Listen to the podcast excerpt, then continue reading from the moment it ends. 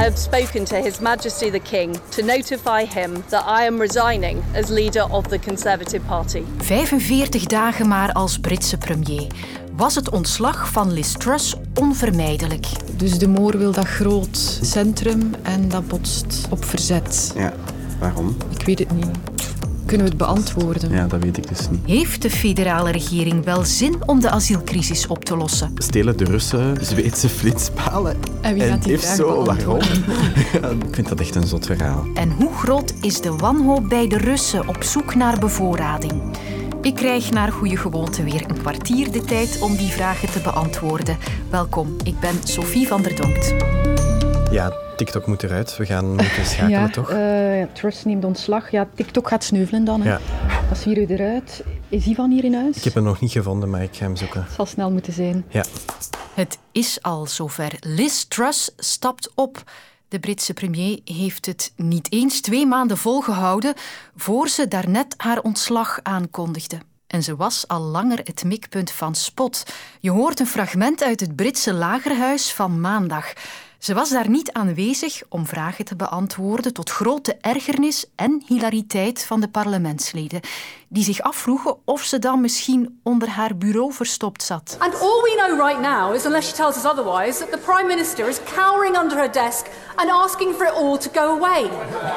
Isn't it about time she did and let somebody else who can make decisions in the British national interest get in charge instead? En het moest hier ineens heel snel gaan vanmiddag. Maar Ivan Olivier kon ik toch nog bij de lurven vatten op weg naar Londen. Ja, ik hoor je perfect. Ja. Maar we zijn bijna in het Zuidstation, dus we, gaan, we moeten uitstappen binnen vijf minuten, vrees ik. We gaan het snel proberen doen dan, hè? Ja. Ivan zat een goede twee weken geleden ook al in deze podcast en hij voelde toen al aan zijn water bij Lode. Er wordt al openlijk gesproken in het Verenigd Koninkrijk over het einde van haar regeerperiode, nu al. Is dat een optie? Komt dat ervan, denk je? Die kans is vrij groot, denk ik. Niet onmiddellijk, misschien dat ze haar nog wel tot het einde van het jaar zullen geven, maar er gaan nu al stemmen op bij de parlementsleden die zeggen van wij moeten haar vervangen. Ivan, jij voelde het al aankomen, hè? maar het is toch nog sneller gegaan dan gedacht. Mhm. Ja, dat klopt.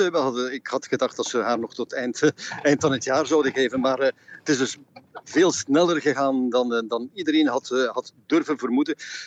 En daar heeft ze natuurlijk ja, heeft ze dat helemaal aan zichzelf te danken. Ze heeft er echt wel een puinhoop van gemaakt de afgelopen, ik had bijna gezegd de afgelopen maanden, maar de afgelopen weken. Ja, dit was onvermijdelijk. Ja, dit was onvermijdelijk. Ze had zich eh, zo in de nesten gewerkt, zoveel bochten genomen, dat eh, ja, dat, dat niet meer niet meer integer was. Ze was niet, niet meer geloofwaardig. Niet alleen voor, eh, voor de eigen partij, maar ook voor de algehele bevolking, voor, voor alle Britten. En ja, wie, wie zo vaak zijn eigen principes verloochent, ja, die zit natuurlijk niet op zijn plaats of op haar plaats, in dit geval in Downing Street. Heeft ze nu een record gebroken, Liz Truss? Is ze de kortst zittende premier? Ik, eh, ik denk het wel, voor zover ik dat kan nagaan, ja. De, er was één iemand, eh, eh, dat was Lord Hume, die in de jaren, eh, in die jaren 60 ook heel, heel, heel kort premier is geweest. Maar dit breekt toch wel alle records. Lord Hume heeft het denk ik toch nog bijna, bijna twee jaar uitgehouden. Ze- nog niet eens, nog niet eens twee maanden. En dan de aanleiding voor dit supersnelle ontslag. Dat was al het gedoe over de begroting en over die tax voor de allerrijkste dan. Eh, wel, die tax voor de allerrijksten, dat was eigenlijk maar één onderdeel van heel, heel haar mini-begroting. En dat is niet het enige punt waarop ze heeft moeten inbinden. Er waren nog een heleboel andere punten. Maar wat ook van belang is geweest natuurlijk, dat, dat was haar onpopulariteit bij eh, parlementsleden van de, van, de, eh, van de conservatieve partij. Dat was, speelde toch ook wel een heel grote rol. En ze was verkozen precies vanwege al die belastingverlagingen. En toen waren er veel conservatieven die zeiden van ja, maar kijk, als die belastingverlagingen allemaal niet doorgaan, waarom zit ze daar dan eigenlijk nog? Is zij nog wel chef van deze regering?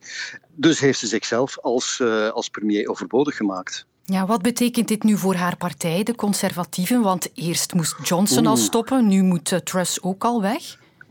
Ja, als er binnenkort eh, parlementsverkiezingen zijn, dat wordt dat, dan wordt dat een enorme slachtpartij onder, in de conservatieve partij. Zullen heel veel conservatieve parlementsleden hun, hun zetel verliezen. En zal Labour waarschijnlijk opnieuw aan de macht komen na elf of bijna twaalf jaar. Ja, dat moeten we dan zien. Ik ga je laten, Ivan. Ga je trein maar halen. Ja. ja. Succes. Dag Sophie. Jo, dag. De opvangcrisis blijft maar aanslepen en het plaatstekort in de opvangcentra is zelfs zo groot dat sinds vorige week zelfs niet meer voor alle kinderen een bed is gevonden. Maar wie zijn die mensen die nu de nacht op straat moeten doorbrengen? Collega Stijn Valk sprokkelde gisteren hun verhalen. Wat ik wel straf vond, is een, jonge man uit Jemen bijvoorbeeld, die een hele tocht door Afrika, via Niger en wat was het nog allemaal, in Marokko terechtkwam en die gezwommen heeft naar Spanje, het is te zeggen naar Spaans grondgebied, zes kilometer buiten de kust. Dat zijn wel verhalen van mensen die oprecht hun leven op het spel willen zetten om een betere toekomst te hebben. En ja, dan komen ze aan in Spanje, maar ze willen niet in Spanje zijn, ze willen ook niet in Frankrijk zijn, ze komen doelbewust naar België. Omdat het hier dan blijkbaar makkelijk zou zijn om werk te vinden. Vraagteken of dat zo is. Ja, en dan zeggen ze: dit is niet wat we verwacht hadden, of wat we gehoord hadden, of wat ons verteld was. En dat tentje, ja, is dat dan één nacht of twee nachten en krijg je dan een plek? Of is het vier maanden, zoals de jonge man van 23 die naast hem zat? Weet niet hoe koud het was vannacht. Ze hebben dan twee of drie dekentjes en ze hebben het nu al koud. Dat zal er niet op beteren de komende dagen. En uh, als het begint te regenen, zoals het er nu naar uitziet, ja, dan worden die kartonnen tentjes zelfs onbruikbaar volgens mij. Dus het is, uh, het is moeilijk om naar te kijken. Een groot probleem, dat is duidelijk. En staatssecretaris voor asiel en migratie Nicole de Moor wil zo snel mogelijk oplossingen. Zij stelt één grootschalig opvangcentrum voor om de asielzoekers op te vangen. Alleen geraakt de federale regering het daar maar niet over eens. Ik ben bijzonder gefrustreerd toch wel dat, uh, dat we daarin vandaag niet geslaagd zijn om die noodopvang te beslissen. Maar waarom dan niet? Is er dan geen politieke wil om dit zo snel mogelijk op te lossen? Ik begrijp echt niet goed meer hoe ik dit allemaal moet interpreteren. Marian Temmerman, ik heb jou erbij geroepen. Jij volgt asiel en migratie bij VRT Nieuws. We horen hier Nicole de Moor, de staatssecretaris voor CD&V, boos, gefrustreerd. Maar wie blokkeert op dit moment die grootschalige opvang in de federale regering? Niet CD&V dus. Groen heeft ook al laten verstaan dat zij wel voorstander zijn van die grootschalige opvang.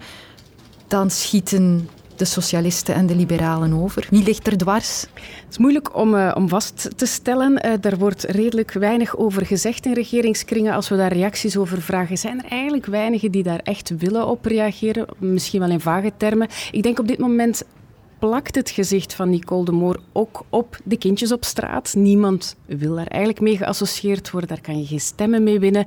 En er is geen publieke verontwaardiging op dit moment, of weinig. Dus dat gevoel van urgentie, we moeten dit nu meteen aanpakken, is er blijkbaar niet. Ja.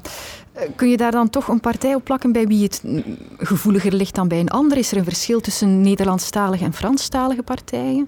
Er is een verschil tussen Nederlandstalige en Franstalige partijen. In Franstalige kant uh, zie je dat dat toch wel gevoeliger ligt. En dat bijvoorbeeld een, een opvang op hotel zeker bespreekbaar is. Dat is aan de Nederlandstalige kant uitgesloten, willen ze absoluut niet. Ze zeggen dan dat zou een, een aanzuigeffect kunnen hebben, maar ik denk ook naar de publieke opinie toe, dat ze dat eigenlijk niet kunnen verantwoorden of vinden dat ze dat niet kunnen verantwoorden. Ja, het is dus moeilijk om een partij te noemen die hier specifiek op de rem gaat staan. Maar dan is er ook nog bij mij de waarom-vraag. Waarom zou je hier dwars liggen?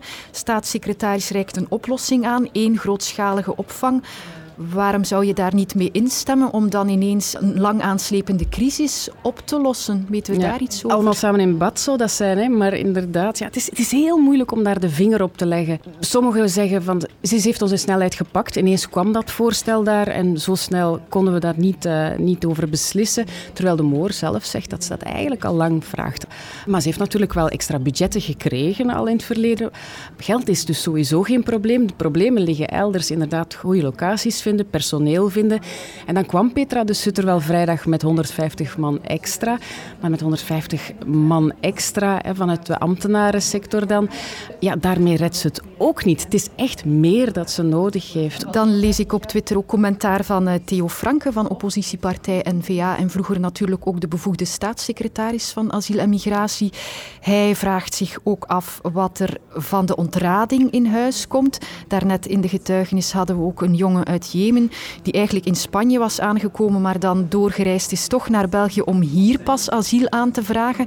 Ja, om het zo cru te zeggen, veel van de mensen die hier nu in heel slechte omstandigheden leven, hadden hier misschien niet moeten zijn. Ja, er zijn twee dingen. Hè. Die van Jemen, die jongen die krijgt wellicht bijna zeker asiel, want dat is een land in duidelijk aantoonbare oorlog, die loopt daar sowieso gevaar.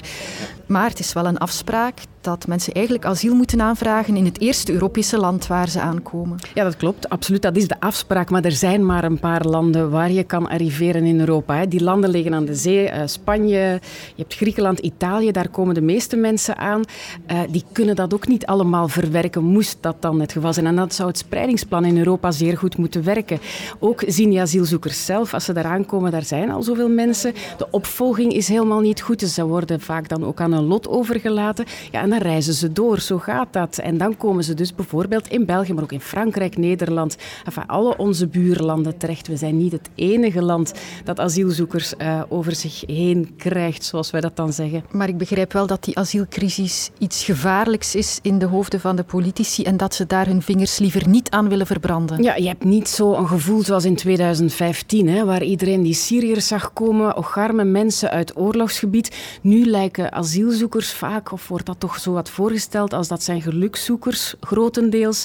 Velen hebben geen recht op asiel, terwijl meer dan 50% uiteindelijk een erkenning krijgt. Dus heel veel mensen komen wel degelijk nog altijd met een reden naar hier, maar dat wordt, raakt toch wel wat ondergesneeuwd. En er zijn zoveel problemen, hè, wordt dan ook gezegd. Dit is niet prioritair.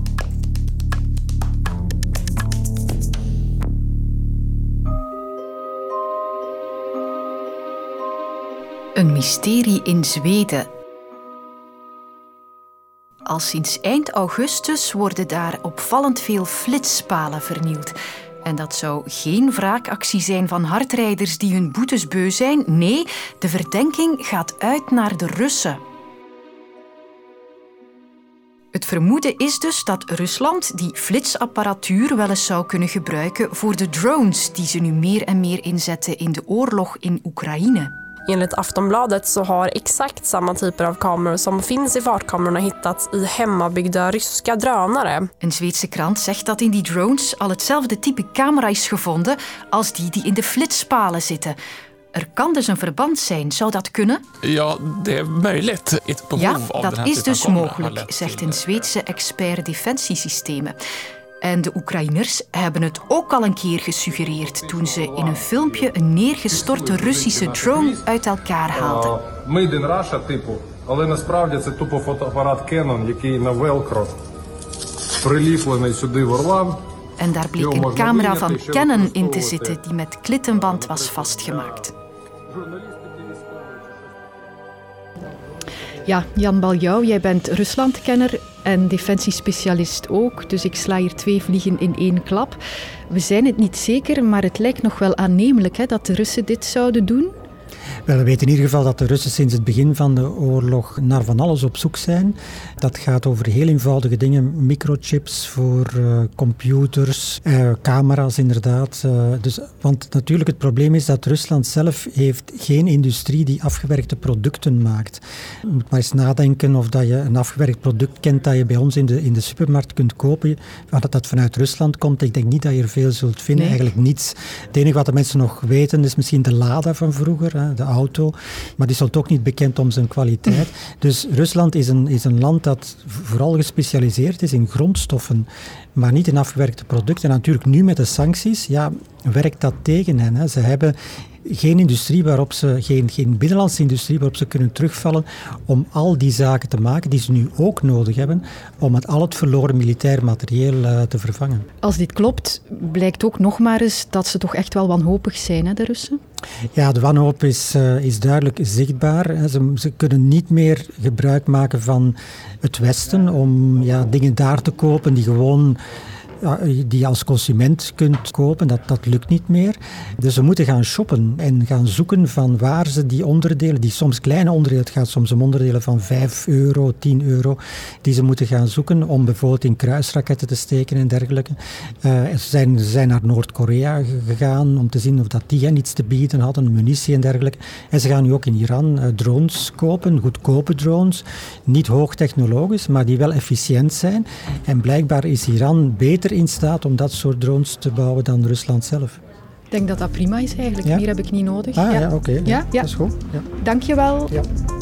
Aflevering 39 zit erop voor ons. Liz Truss is al afgedropen. Wij proberen wat langer vol te houden. Tot morgen. Luister ook naar Net Niet, waarin Astrid de Meuren praat met ex-topsporters die net niet konden doorbreken. Nu in de app van VRT Max.